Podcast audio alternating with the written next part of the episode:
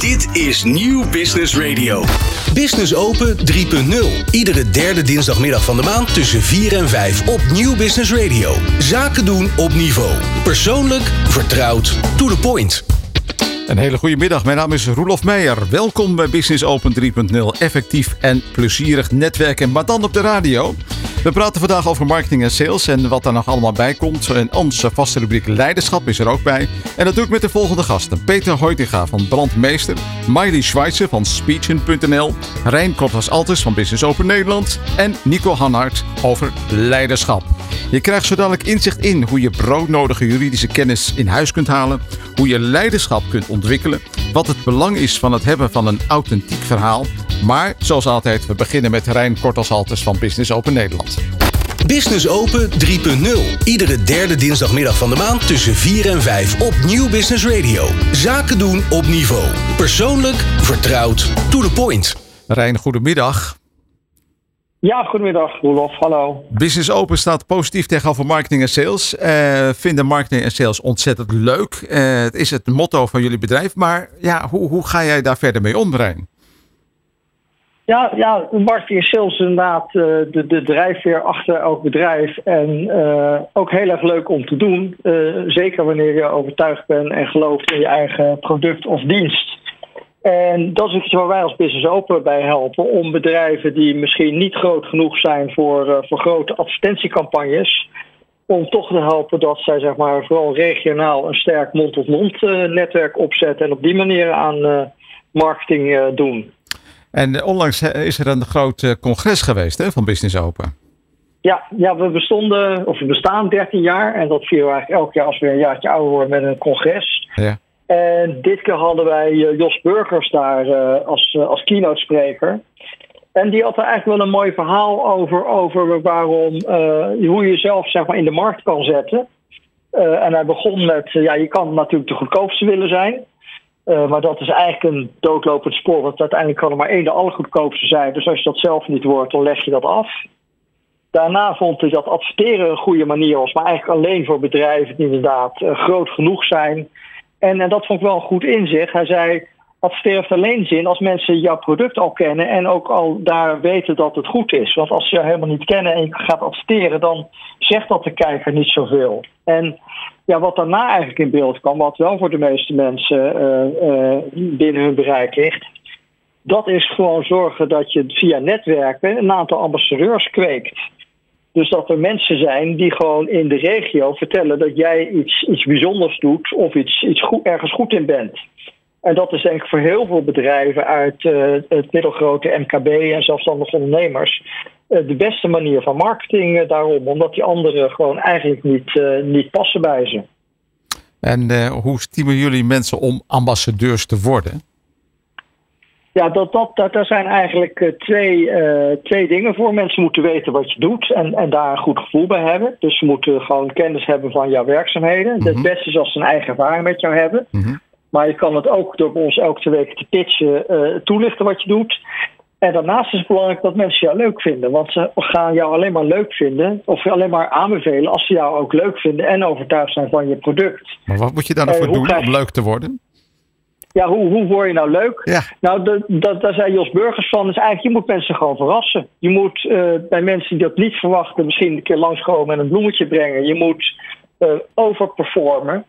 En wat bij Business ook een hele goede manier is, is om elkaar gewoon te helpen. We hebben een soort uh, bijeenkomst waarin we vragen: kan iemand mij daarbij helpen? Dat kan een introductie bij een bedrijf zijn, dat kan een toeleverancier zijn. En sommige mensen zoeken ook een studentenkamer voor hun kind. Maar als jij dus iemand helpt, dan doe je toch eigenlijk vaak iets bijzonders. Want dat doen we eigenlijk veel te weinig in de, in, in de, de buitenwereld, zou ik willen zeggen. Maar elkaar helpen uh, schept bijzondere ervaringen. En daardoor vinden mensen het leuk om ook wat terug te doen. Dus de wederkerigheid is ook een, uh, een belangrijk uh, kenmerk van. En, en, hoe doe je dat nou als Business Open Nederland? Hoe, hoe zorg je ervoor dat mensen dat bereiken? Nou, eigenlijk in de eerste plaats is onze formule daarop ingericht. We komen om de twee weken samen. Dus je, je ziet elkaar elke twee weken. En sommige leden zijn jarenlang lid. Dus je bouwt ook een soort vriendschappelijke relatie op tijdens die bijeenkomsten krijg je de kans om te vragen, maar ook de kans om te helpen. Dus als je anderen helpt, dan zorg je dat je die mensen een bijzondere ervaring geeft, waardoor ze leuk gaan vinden. Mm -hmm. En doordat je elkaar elke twee weken spreekt, weet je ook wat de ander doet. Dus door die twee elementen te voeden, zorgen we dat mensen naar de ambassadeursstatus zeg maar, toegroeien. Uh, en daarnaast, wij zitten met de business open op, op golfbanen. dat zijn natuurlijk sowieso prettige plekken. Maar als je samen gaat golven, en, en dat is geen verplichting, maar wel een mooie kans dan heb je vaak een ander gesprek dan wanneer je zakelijk afspreekt. En juist dat je als je samen golft en vraagt wat zijn je hobby's, waar ga je op vakantie, waarom doe je eigenlijk wat je doet, dan ontstaat daar ook een soort van klik en ontstaat een verhaal wat je ook weer makkelijker gaat doorvertellen. Dus door die combinatie van het netwerken, het pitchen, het golven en het elkaar helpen, ja, zorgen wij dat wij versneld uh, uh, mensen tot, tot ambassadeursrollen uh, omvormen. Nou, uh, hartstikke mooi. Dat bolletje gaat wel rollen, uh, Rijn, denk ik zo. Ja, ja nee, we, we hebben niet voor iets ons 13 jaar bestaan gevierd. Ja, dus kennelijk, uh, kennelijk, heeft het effect. Het, het werkt, goed. Ja. Da dankjewel, Rijn Kortelsalters van Business Open Nederland. Ja, graag gedaan. Dit is Business Open 3.0 op Nieuw Business Radio. Zaken gaan niet altijd zoals je wil. En als je geen groot bedrijf hebt, dan heb je waarschijnlijk geen jurist in huis. Geen huisadvocaat dus. Maar ja, een advocaat inschakelen is ook zowat. Bij iedere zes of acht minuten tik te meten. En je bent dan meestal nog niet veel verder. Kan dat ook anders? Ik praat met Peter Hoytinga van Brandmeester. Peter, hartelijk welkom. Ja, dankjewel. Uh, jij bent advocaat, maar jij doet dat anders dan anderen. Even beginnen met die uh, naam, Brandmeester. Dat vind ik echt een geweldige naam. Hoe kom je er eigenlijk aan? Nou, nog één correctie. Ik ben zelf geen advocaat. Ah. Mijn collega's zijn gelukkig uh, hele goede advocaten. Jij bent ondernemer? Ik, ja, precies. Jij bent ondernemer, ja, oké. Ik ben ondernemer en ja, je vroeg naar de naam inderdaad. Ja. Daar, ja, daar hebben we goed over nagedacht natuurlijk. Ja. Want brandmeester staat voor het feit dat je iets, ja, echt de, de brand is uh, aan. Maar uh, de brand, als je de brand brandmeester maakt, dan heb je het vuur weer onder controle. Ja. Dan is de fik nog niet uit. Dus dat is eigenlijk wat wij doen. Wij proberen voor een klant zo snel mogelijk de situatie weer onder controle te krijgen. Want je moet je voorstellen dat je in juridisch geschil komt. Daar heb je niet om gevraagd. Het komt misschien ook niet zo vaak uh, voor, hopelijk. En uh, ja, dat brengt onzekerheid uh, met zich mee. In het geval van een ondernemer, van krijg ik mijn rekening wel betaald? Of uh, wat moet ik nou met die werknemer? Hè, en wat gaat dat ontslag me nou kosten? Daar kun je van wakker liggen. Ja. En dat willen wij zo snel mogelijk eigenlijk voor zorgen dat je daar niet meer van wakker ligt. En dat je het vertrouwen krijgt dat we het probleem voor je gaan oplossen.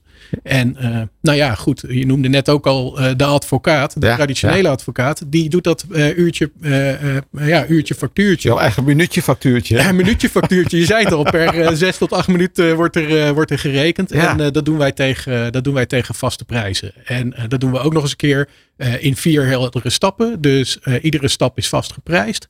En uh, daardoor weet je eigenlijk precies uh, waar je aan toe bent. Wat, dus, wat, wat, zijn die stappen dan waar je doorheen gaat?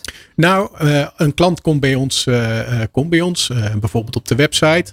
we doen dat nu uh, voornamelijk voor particulieren. Binnenkort doen wij dit ook voor ondernemers. Ik zal daar straks nog wat over oh, uitleggen. Ja.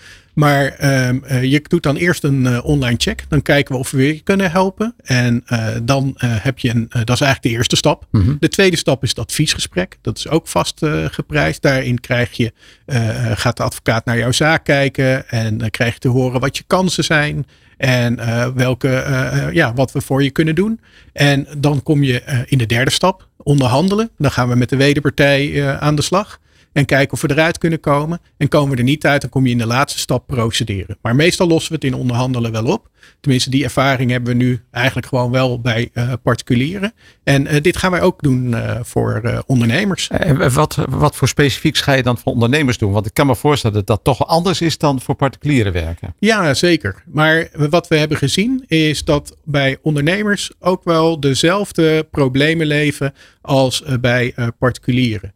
Kun je eens een voorbeeld geven waar, waar je tegenaan bent gelopen? Nou, um, we hebben daar uh, ook veel met ondernemers over gesproken. En we zagen daar juist heel veel parallellen. Die onzekerheid over de eindafrekening. Mm -hmm. Van waar gaat die factuur uiteindelijk uh, uh, eindigen, zeg maar. Ja. Die onzekerheid zorgt ervoor dat, net als bij particuliere ondernemers, ook vaak afzien van hulp. En dan denken van ja, nou ja, goed, dan pak ik mijn verlies. Ja. Terwijl het echt wel de moeite waard is om uh, het probleem aan te pakken.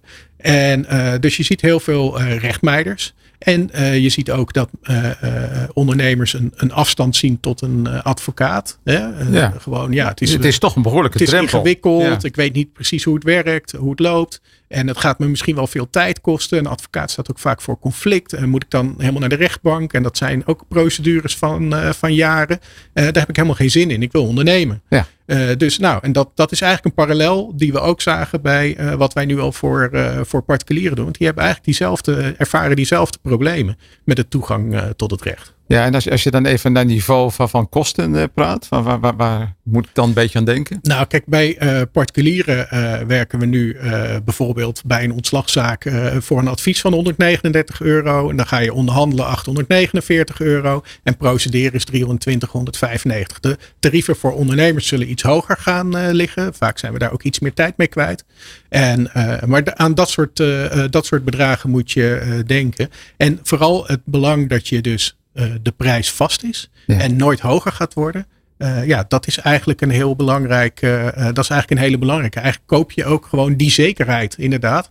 Dat je niet met een open rekening zit en die onzekerheid ja, waar je mee blijft zitten. En dan is het cirkeltje eigenlijk weer rond. Dan heb je eigenlijk ook voor je gevoel in je hoofd de zaak weer onder controle. Dan heb je een brandmeester. We hebben de zaak nog niet voor je opgelost. Maar je weet wel waar je aan toe bent. Ja, want, want dat is natuurlijk, eh, denk ik, bij heel veel ondernemers en ook bij particulieren toch de drempel van, ja, je weet niet of het opgelost wordt. Je weet niet wat het gaat kosten. Het is een soort bodemloze put.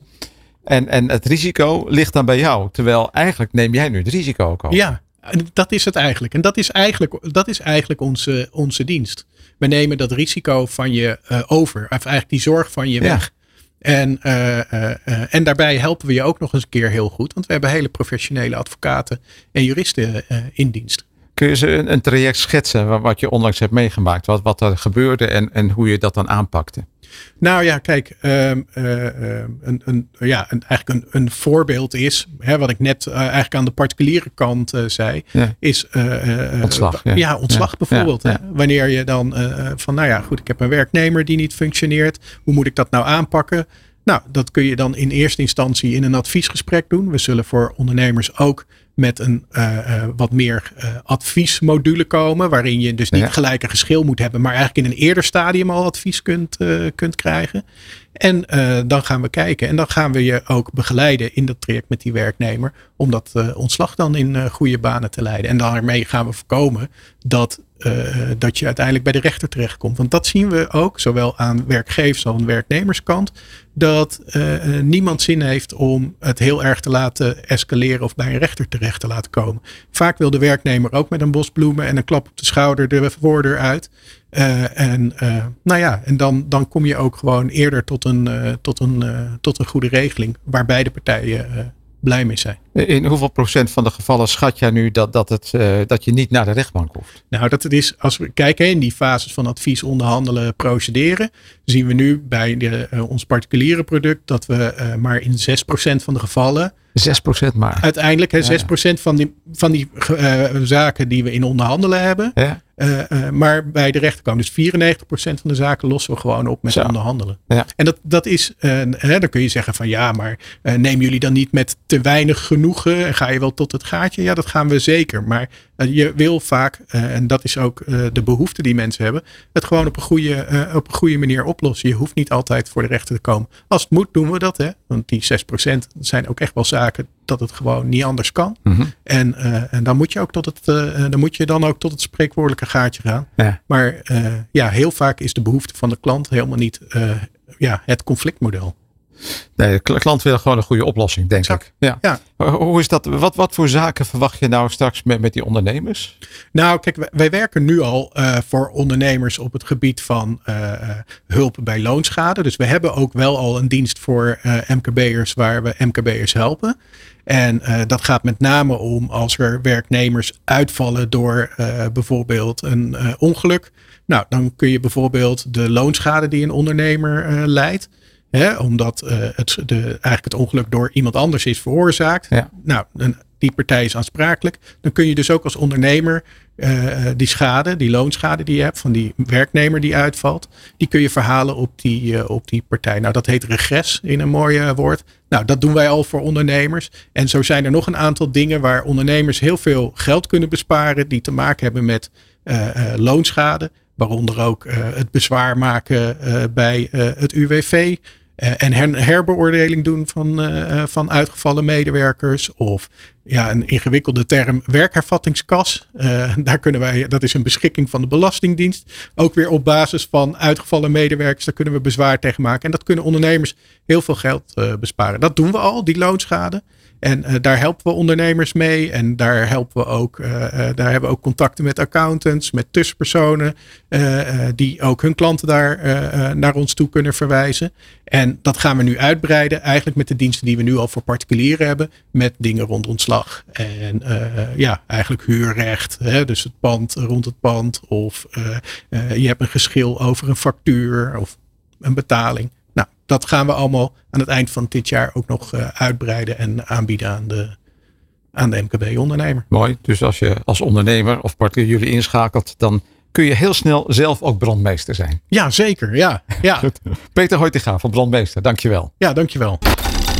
Iedere maand op Nieuw Business Radio en meer dan duizend keer per jaar op locatie. Business Open.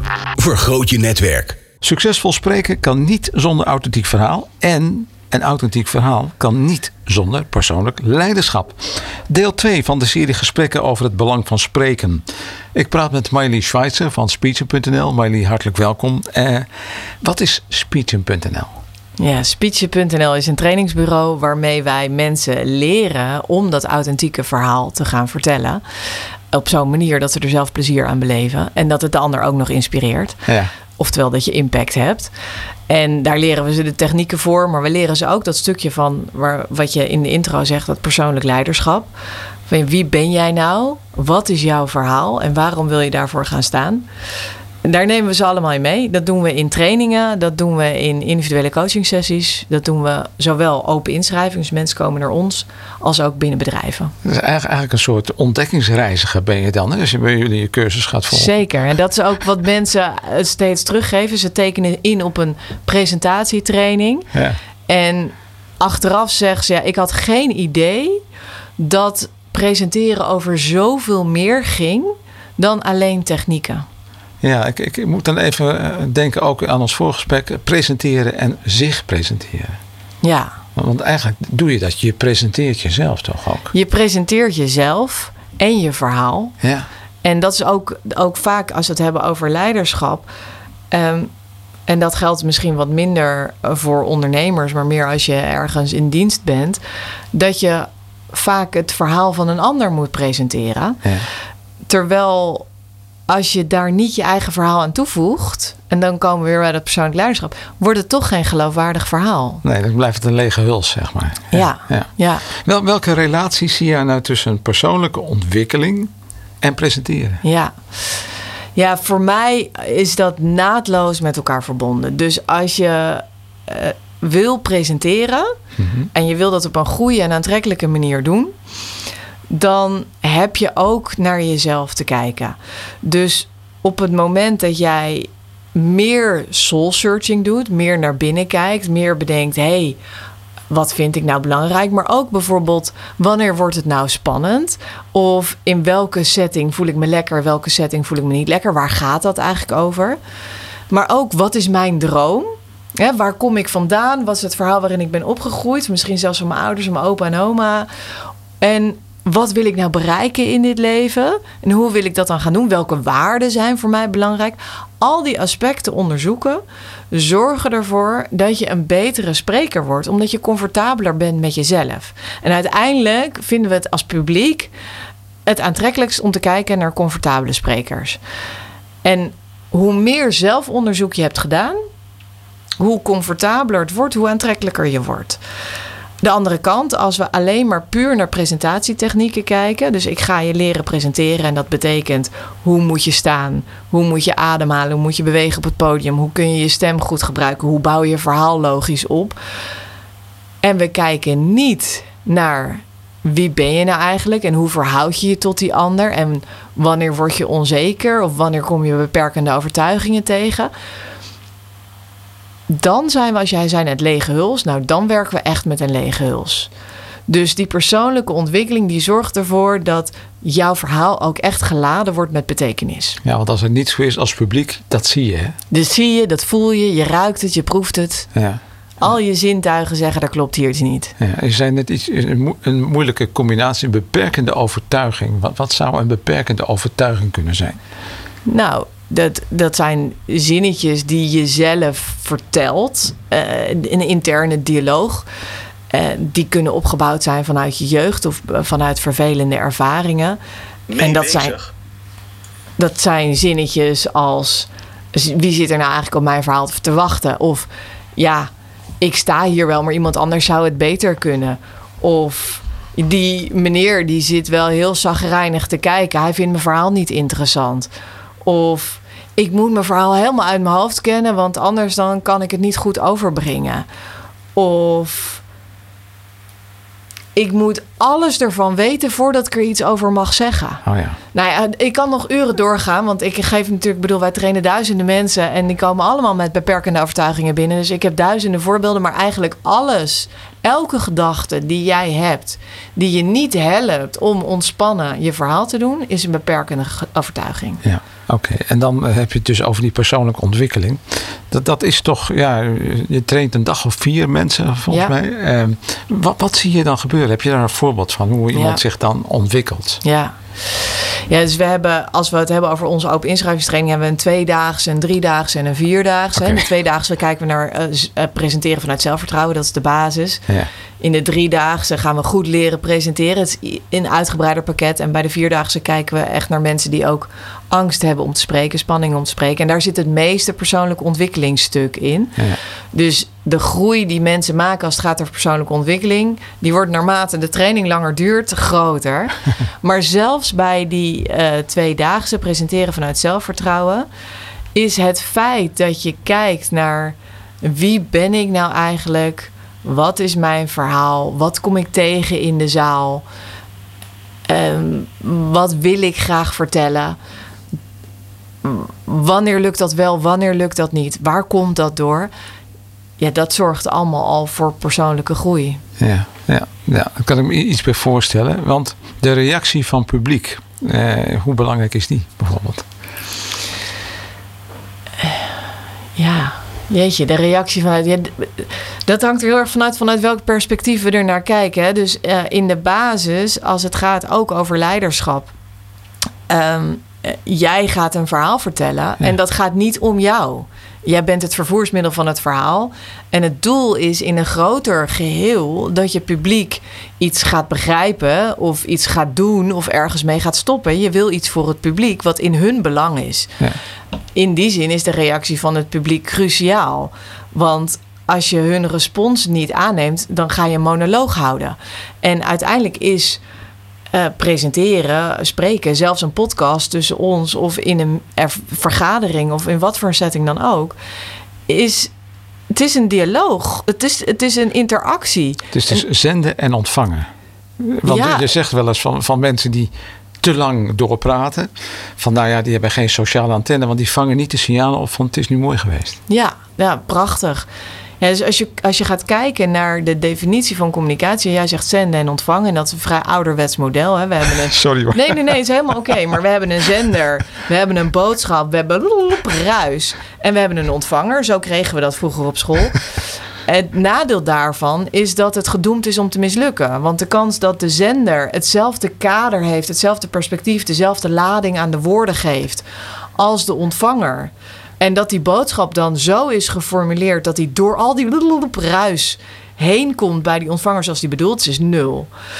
Um, dus er is een hoogleraar in Groningen en zij heeft een nieuwe uh, definitie gemaakt van communicatie. Hij zegt: communicatie is het scheppen van gemeenschappelijke betekenis. Wauw. En dat brengt een nieuw perspectief, hè? Want dat zegt dan, ja, dat hele model van zender, boodschap, ruis, ontvanger, dat is pas communicatie als de zender zeker weet hoe de ontvanger het uh, heeft ontvangen ja. en dat dat klopt met wat de zender heeft bedoeld. Ja.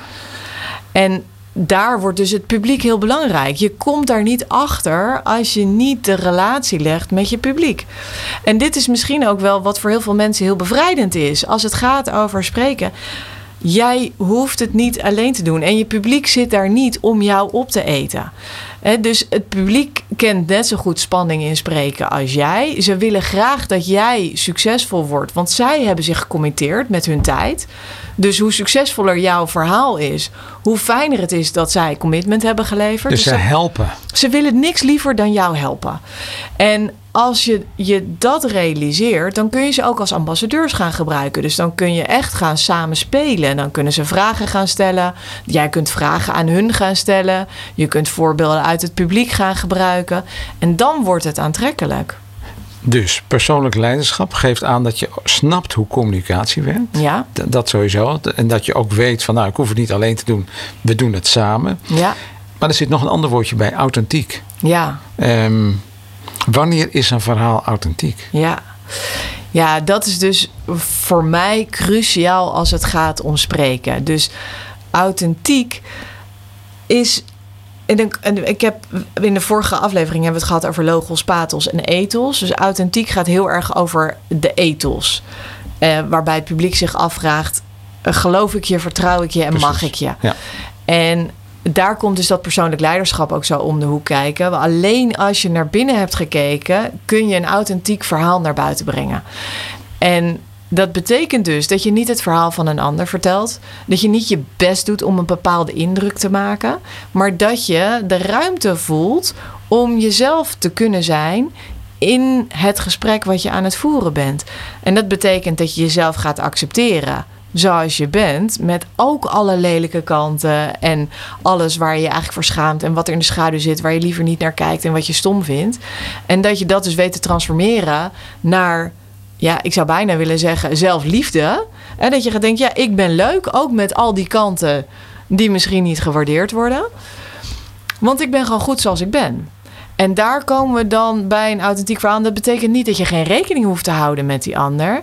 Maar wel dat je niet per definitie op voorhand al gaat aanpassen aan alle aannames die jij in je hoofd hebt zitten over je publiek over je, ja, de mensen die naar je luisteren, maar dat je jezelf als vertrekpunt neemt. Ja, en dus jezelf kennis is belangrijk, maar ook van jezelf houden is belangrijk. Ja, en dat je weet, hé, hey, ik ben een mens en dus ik, ga ik fouten maken. En dat is ook oké. Weet je, we zijn hier niet op aarde om een perfecte performance te geven. Sterker nog, als we straks een perfecte performance willen, dan kunnen we straks gewoon AI inhuren. En die, dan zetten we een hologram neer, krijg je een perfecte presentatie. En waarom is het niet interessant? Omdat de mensen die daar naar kijken, die komen voor een verhaal van vlees en bloed. Als je kijkt naar de technologie, alles wordt overgenomen. Hè? We hoeven ons geen illusie te maken. We kunnen straks alleen nog maar mens zijn. En waar gaat de betekenis van mens zijn over wanneer worden we mens. En dat gaat ook weer over leiderschap. Op het moment dat we connectie maken, dat jij mij hoort, bevestigt mij in mijn mens zijn. En dat ik daar betekenis aan ontleen en iets teruggeef, bevestigt jou in je mens zijn. En dat ik daarin dus fouten ga maken, dat maakt het alleen maar tot een unieke ervaring. En dat is waar we uiteindelijk op uit gaan komen. Nou ja, iedereen maakt fouten. En, en het is ook zo, als je je concentreert op je fouten. Eh, wat je dus in wezen niet doet, omdat je zoiets hebt van, nou ja, die maak ik gewoon. Dan, denk ik, was, dan moet ik denken aan, aan degene die leert fietsen en zeggen, rij niet tegen die boom. Ja. En wat gebeurt er dan? En dan rij je tegen die boom. Als je dus daar dat loslaat, denk ik, nou, het is allemaal wel, bomen zat, ik ga lekker fietsen. Ja. Dat is dit ook een beetje natuurlijk. Dat is dit ook, ja, absoluut. Ja. Ja. mooi. Um, je eigen authentieke verhaal vinden, dat komt dus op deze manier. Ehm, als je nou gewoon gaat spreken, eh, nou goed, dan is, zijn het grote woorden, je eigen authentieke verhaal. Mhm. Maar je kunt ook iets gewoon uit de dagelijkse praktijk eh, pakken, wat je, wat je meeneemt. Ja. Hoe, hoe, hoe doe jij dat dan bijvoorbeeld? Ja, ja dus da, da, dan gaan we naar hele concrete tips. Hè. Hoe maak je nou een verhaal authentiek? Ook als je hele binnenwerk hebt gedaan, hoe breng je het dan over de bühne? Ja, want het is heel hoog over, maar nu eventjes uh, down to earth. Ja, ja, dus dan komen we eh, eh, op het verhaal. Een tip die ik eigenlijk altijd aan alle deelnemers meegeef, is ehm, als je gaat werken met kleine magische verhaaltjes, magische pareltjes. Uh, wij, wij noemen dat pareltjes en dat zijn eigenlijk gouden momentjes die je aan de lopende band hebt, waar je heel vaak geen oog voor hebt. Daar ga je aan voorbij. En uh, zeker omdat je denkt, nou, ik moet een presentatie geven en belangrijk in inhoud. En dan vergeet je de dagelijkse gang van zaken waar te nemen, waar gewoon allemaal gouden momentjes in zitten. En op het moment dat je jezelf gaat aanleren om die gouden momentjes te verzamelen, en in eerste instantie heel pragmatisch door gewoon een moment op de dag te gaan zitten en drie van dat soort momentjes op te schrijven waar je dankbaar voor bent, dan. Uh, en je doet dat een tijdje, dan heb je als het ware een soort van boekenkastje vol met gouden momentjes. En dan kom je een ruimte binnen en je ontmoet iemand en je moet het ijs breken, ja. dan kun je zo een pareltje gebruiken. Nou en wil ik een pareltje van jou horen. Wat, is dat? Nou wil je een pareltje van mij horen. Nou ja, ik, ik, ik, ik train hier dagelijks in, dus dan vraag je meteen wel iets heel moeilijks, want dan heb ik er duizend. Ehm, maar één heel simpel gouden pareltje is, ik reed hierheen en uh, het regende en de zon scheen. En ik kijk in mijn achteruitkijkspiegel en ik zie daar een regenboog. Ah ja. En dat zijn, ik bedoel, iedereen zal het moment. Het blijft een magisch gegeven, zo'n regenboog zien. En wat er dan met mij gebeurt, is. Ik kijk in mijn achteruitkijkspiegel, ik zie die regenboog. Uh, ik voel hoe ik zit op die stoel. En ik voel hoe ik iets dieper ademhaal en ontspan. En dan komt de gedachte. Weet je, het maakt ook allemaal niet zoveel uit. Want het leven doet gewoon zijn ding. En ik hoef alleen maar te genieten. En hoe gebruik jij dat dan, die regenboog, in jouw gesprekken? Ja, nou het kan dus zijn dat ik vervolgens, stel dat ik in dit geval, eh, ik was onderweg hierheen. Nou, wij hadden vrij veel, vrij snel, we hadden allemaal pareltjes. Hè? Ik kijk naar jouw boekenkast, ik zie je LP'tjes, ik kijk naar je boeken. We hebben een verhaal over hoe is het om een biografie over iemand te schrijven. Dus we hadden heel veel connectie. Maar stel dat we dat niet zouden hebben en het is een beetje awkward tussen ons, dan zou je kunnen zeggen van, nou ja het is wel leuk om hier zo binnen te komen, want ik reed hierheen. En ik zat een beetje met spanning in de auto, want er waren allerlei andere dingen die invloed hadden op vandaag. En ja, dan kijk ik in mijn achteruitkijkspiegel en dan zie ik die regenboog. En dan ontspan ik even. Ken jij ook zo'n soort momentje? En dan hebben we connectie. Nou, zou ik dat voor een zaal met mensen doen, dan is het van, uh, nou ja, ik kwam hier binnen en ik was onderweg hier naartoe. Jullie hebben ongetwijfeld allemaal op de een of andere manier de reis hierheen gepakt. Wat er bij mij gebeurde is. En dat heeft dan nul connectie met de presentatie die ik ga geven, maar wel met het landen in het hier en nu en het ijs breken. En daarmee zien mensen dan dat je mens bent van vlees en bloed. Hè. Gaan we weer weg bij het AI-verhaal. Ehm, mensen kunnen even wennen aan je stem. En jij kunt laten zien, ik ben in het hier en nu aanwezig. En dan komen we weer bij leiderschap. Een leider is niet bezig met een perfecte performance. Een leider is bezig met de kudde leiden naar de plek waar ze heen zouden moeten gaan voor hun eigen belang. En alleen een leider die in het hier en nu aanwezig is, kan dat op zo'n manier doen. Mooi, mooi. En verbinding maken. Ja. Succesvol spreken kan niet zonder authentiek verhaal. En een authentiek verhaal kan niet zonder persoonlijk leiderschap. Dit was deel 2 van de serie gesprekken over het belang van spreken. Met uh, Miley Schweitzer van Spitsen.nl. Dankjewel. Business Open 3.0. Iedere derde dinsdagmiddag van de maand tussen 4 en 5 op Nieuw Business Radio. Zaken doen op niveau. Persoonlijk, vertrouwd, to the point. Leiderschap, wat is dat? Hoe kun jij de leiding nemen in jouw leven, privé en zakelijk? Mijn naam is uh, Roelof Meijer. Ik praat met Nico Hanhaert Performance Business Leader. Ja, Nico, we hebben al een aantal van deze uitzendingen gemaakt. Al heel veel over leiderschap gehad en, en hoe jij dat nou doet. Maar ik, ik zou nou wel heel goed willen weten van, nou ja, je hebt zo'n prachtig traject. Hè? Je hebt van, uh, tegen de klant zeg je, jij praat, ik luister, wij creëren en vervolgens jij als klant implementeert. Maar ja, hoe doe je dat? Want je hebt vast wel een, voorbeeld, zodat je dat ons een beetje duidelijk kunt maken. Ja, nou ja, uh, legio voorbeelden. Ehm, ik denk dat het goed is om, om te delen is... Um, mensen komen bij mij omdat men ervaart iets in zichzelf wat niet werkt. Um, bijvoorbeeld, ik, ik, ik wil ondernemer worden, maar ik neem dat besluit niet. Of ik ben ondernemer, maar als ik kijk naar mijn cijfers, hey, loopt het terug. Of mijn omgeving ervaart mij um, soms als niet prettig. Dus er is een behoefte waardoor ze in contact komen met personen zoals ik. Dus dat is de eerste. Dus er is een hulpvraag. Help. Ja. Um, voordat ik ehm, met mensen spreek, eh, heb ik altijd even een soort van eh, kennismaking telefonisch. Eh, goh, hoe, één, hoe kom je bij mij? Twee, wat is de behoefte? Wat maakt dat jij nu met een hulpvraag komt? Ehm, ik zeg ook nooit, ja, we gaan werken. Ik ga eerst kijken, heb ik een match? Nou, dan komt een persoon bij mij ehm, en die heeft een hulpvraag. En dan, dan, pak ik gewoon een wil- willekeurige vrouwelijke cliënt. Die komt bij mij, die komt uit de corporate organisaties en die wil ondernemer worden. Dat is nu eh, twee jaar geleden. En ehm, Is, ja, is ze nu ondernemer inmiddels? ja, inmiddels, ja, ja. Anders dan, dan hadden we iets niet goed gedaan. Oké. Nee, dus zij, zij komt met het ondernemerschap bij mij. Ehm, alleen er zit iets in de weg. Dus eh, op het moment dat ze bij jou komt, is ze nog geen ondernemer? Nee, Oké. zij zit in een corporate organisatie, Managementlaag, hoog. managementlaag, Ja. eh, creëert daar handel voor zo'n grote multinational. Ja. Ehm, zit in de duurzaamheid en eh, is daar heel goed in en wil voor zichzelf beginnen. Dus dat is, dat is het eerste. Dus er is een behoefte. ja, Dan ga ik, en, en, en dan, dan is het dus, zij spreekt. exact. Ja, wa- wa- wat, wat vertelde zij?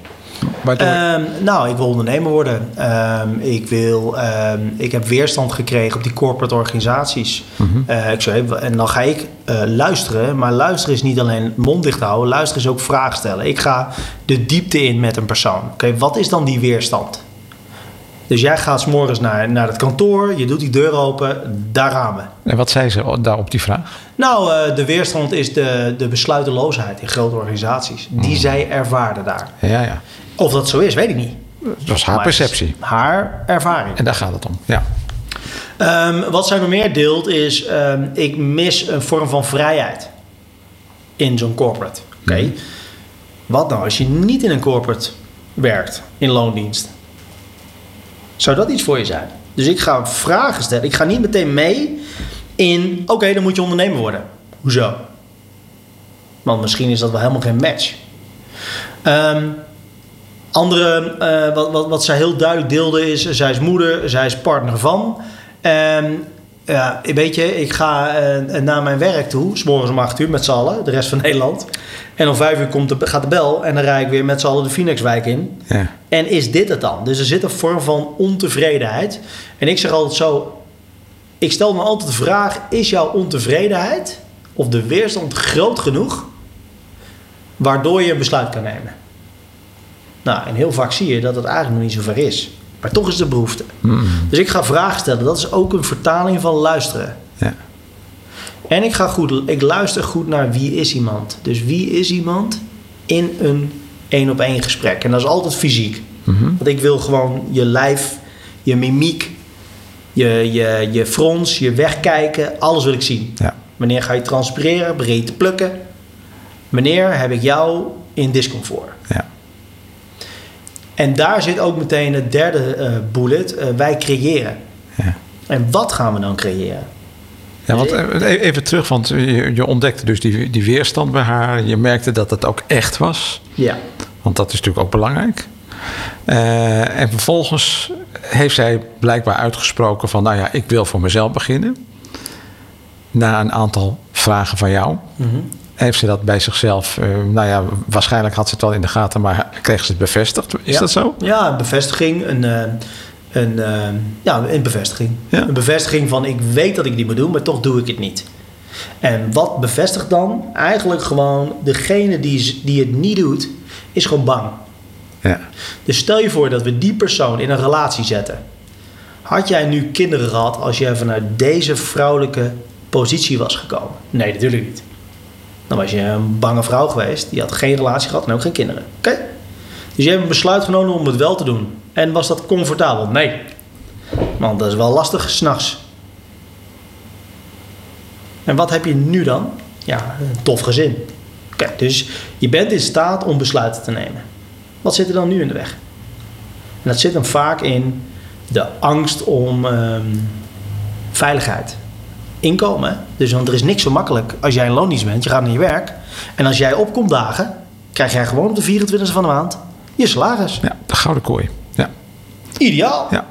En afhankelijk van je bedrijf heb jij bepaalde resultaten die je moet leveren. Maar veel bedrijven kijken daar niet naar. Afhankelijk van de rol die je hebt in het bedrijf. Hoe was dat bij haar? Um, zij was verantwoordelijk voor projecten. Nou, dat is een container. Ja. Oké, wat moeten die projecten opleveren? Dat wisten ze niet. Oké, kreeg ze intern waardering voor haar werk? Um, dat weet ik niet. Um, wat ik wel weet, en of dat dan bij deze, vaak in grotere organisaties, is een stukje waardering. Um, goh, hey, tof dat je dit doet. Dat, dat vinden we lastig. Ja. Dus wij kopen waardering af op de 24e van de maand. ja. ja. Ja, structureel. En hoe vaker dat gebeurt, hoe minder het voorstelt. Precies. Uh, alleen mensen vinden een andere vorm van waardering ook wel eens leuk. Weet je, daar worden we beter van en krachtiger. Ja. Uh, maar goed, laten we daar niet al te veel over uitweiden. Um, dus, dus je ging samen creëren? Samen creëren. Hoe, hoe pakte je dat aan? Um, ik kijk altijd naar uh, waar bevindt zich iemand nu. Dus uh, financieel, hoe ziet je relatie eruit, je privéleven, um, uh, wat heb je al gedaan in je carrière. een positie A, waar sta je nu? Waar wil je naartoe is een positie B. Dus stel je voor, je hebt een ton per jaar, je wil naar een half miljoen. Nou, daar zit een gat van 4 ton. Dat is de wedstrijd die we hier spelen. Dat zal niet in een week zijn, Zowel, dan hebben we top gedaan, maar neem er één of twee jaar voor. Ja. Afhankelijk van hoe hard ga jij je werk doen. Ja. Wij creëren is ook, ik laat jou zien welke acties jij kan doen, zodat je krijgt wat je wil. En dan dus- moet het ook gedaan worden. That's it. Ja. Dat is nummer vier. Jij implementeert. Dus jij en ik spreken iets af wat jij gaat doen in de week. Oké, en, en we hebben al eerder gezegd van nou, de kracht van jou is confronteren. Doe je dat ook in die implementatiefase? Ja, want uh, onderdeel van zo'n traject met mij is dat je iedere week met mij zit. Ja. Uh, telefonisch, online of fysiek. Dus uh, wij spreken bepaalde acties af. Die leiden tot meetbaar resultaat. Ja. En doe je dat niet, dan, dan zit daar dus een blokkade. Dan, dan verschijnt zo'n actie groot, moeilijk, zwaar, lastig. je bent er bang voor. Ja. Dan moeten we daar eerst naar kijken. Wat zit daar waardoor jij die actie niet doet? En dat zit hem vaak in um, angst om afgewezen te worden. Een nee te krijgen. Ja, een blauwtje lopen. Een blauwtje lopen, zoals vroeger met je eerste vriendje, vriendinnetje. Afwijzing. Ja, ja. Um, het zit hem in trots. Ik ga dat toch niet vragen? Ja, ja, oké. Zit je ego in de weg? Een stukje ego. Ja. Ehm, maar als je daar met een ondernemer of een beginnende ondernemer of gewoon een uh, gezettelde ondernemer daarnaar kan kijken, wat is de weerstand op dat traject, dan ben je dus aan het creëren, want dan haal je weerstand weg. Ja. En daar zit ook een stukje ehm, de bereidheid om te werken aan jezelf, is ook creëren. Mijn wederhelft die zegt, joh, één keer in de zoveel tijd heb ik een nieuwe man. Waarom? Ik werk ook aan mezelf. Ja. Ik doe ook niet alles goed. Maar ik ben wel heel erg in staat om gewoon naar mezelf te kijken. Wat kan ik anders doen? En dat deel ik ook. Met een cliënt of met degene met wie ik werk of whatever. Dus dat is het creëercomponent. Ja, dat, dat samen creëren zit daar, in, zit daar natuurlijk duidelijk in. Je doet dat met de klant, hè, samen met de klant. Maar ik kan me voorstellen dat je er zelf ook iets uit haalt hè, uit zo'n relatie. Zeker. Ja. Sterker nog, uh, eh, 85% van de mensen met wie ik werk boekt een tweede of een derde jaar verder. Ja. Waarom? En dat vind ik een heel mooi tegeltje. Ehm, het plafond van 2023 is de vloer van 2024. Wauw. En um, die, de 15% die dan zeg maar niet doorgaat, die zegt: hey, die, die, dat plafond vind ik helemaal fijn. Ja, ja, die zijn, ja, die zijn voor zichzelf klaar. Die zijn voor zichzelf klaar. Of die denken, joh, het is goed zo. Hé, dat is ook oké. Maar de mensen met die door willen, die, die verstevigen hun onderneming. Die verstevigen zichzelf als ondernemer. Nemen daar leiderschap over. Ja. Waardoor ze eigenlijk weer een nieuwe versie van zichzelf willen creëren om naar een miljoen, 43 miljoen, 50 miljoen te willen groeien. En dan wil je iemand naast je hebben die gewoon heel recht is en zeggen: joh, luister, ik zie weer de oude versie. De versie die begon als ondernemer. Ja, deze persoon gaat niet naar 2, 3, 4, 5 miljoen groeien. Mm. Gaat niet gebeuren. Mm. Ja, wat moet ik dan doen? Ik zei, weet ik veel, daar gaan we nu aan werken. Wij creëren. Ja. Daar gaan we nu samen naar kijken. Wie moet jij zijn? Wat moet ik doen? Welke verzoeken moet ik doen om te groeien? En daar zit de magie. En, en ja, ehm, je krijgt als je iedere week met een persoon zit, uh, week in, week uit, ook in de zomer, ook op kerstavond, ook als het oudjaarsavond is en wij zitten ergens in een skioord, gaan vaak telefoongesprekken gewoon door. Oh dan krijg je dus hele krachtige relaties. Ja. En als je krachtige relaties hebt, dan bouw je dus ook gewoon aan elkaars netwerk, aan elkaars resultaten. Mensen verwijzen door, ik verwijs mijn netwerk door naar mijn cliënten. Ja, dat is, dat is natuurlijk mm, waardevoller dan dat wordt het bijna niet. Nou ja, het, betekent dus dat een coachingstraject bij jou is niet dat ene coachingstraject. Jij komt er als persoon bij. Ja. maar ook als hele persoon. Ja, en daarin deel ik uh, uh, kwetsbaarheden van mijzelf, uh, van mijn persoonlijke leven. Ik heb twee ondernemingen gehad. Eentje succesvol, de ander nagenoeg failliet. Ik had tien man personeel in dienst. Hey, dat is gewoon leergeld. Uh, ik heb allerlei slimme opleidingen gedaan. Ja, nice to know, maar kan ik er wat mee? Ja, soms wel, soms niet. Dus ik deel heel veel en ik deel mijn netwerk. Ja, en die is goud. Ja. Ja, dus het betekent dat, dat je krijgt Nico met alle Nico'tjes eromheen. Ja, en ook gewoon, uh, uh, weet je, ik, als ik uh, iemand heb, goh, ken jij nog iemand in de finance, dan weet ik wie ik moet hebben. Ken je iemand in de aannemerij, dan weet ik wie. En ik weet gewoon, de mensen met wie ik werk, die leveren. Ja. Heb je iemand in de schoonmaak? Ja. En die koppel ik weer aan mijn cliënten. Ja. En zo, zo bouw ik een fundament van mijn cliënten die werken met mij en met elkaar. En zij weten, afspraak is afspraak. Dus ik heb daar ook nooit gedoe over. En dat is ook wij creëren. Ja. Ja, dat is heel mooi, want je creëert hier aan deze tafel waar we nu zitten, maar je creëert ook in een breder verband in je netwerk. Ja. En zij weten dat als je met, met, met, met, met Nico werkt, dan is het goed. Dat is heel mooi. Dat betekent dat, dat het, uh, jij implementeert. Zou je bijna kunnen, uh, nou ja, een, een, vijfde dimensie kunnen toevoegen van uh, wij netwerken. Ja, klopt. Wij netwerken en daar, daar, ja, daar wil ik in 2023 um, toch ook wel wat mee doen dat is verstevigen van je netwerk. Hè. Een netwerk van mensen creëert een netwerk van conversaties. Ja, ja. En dat creëert weer een netwerk van commitments en afspraken. En dat leidt tot resultaat.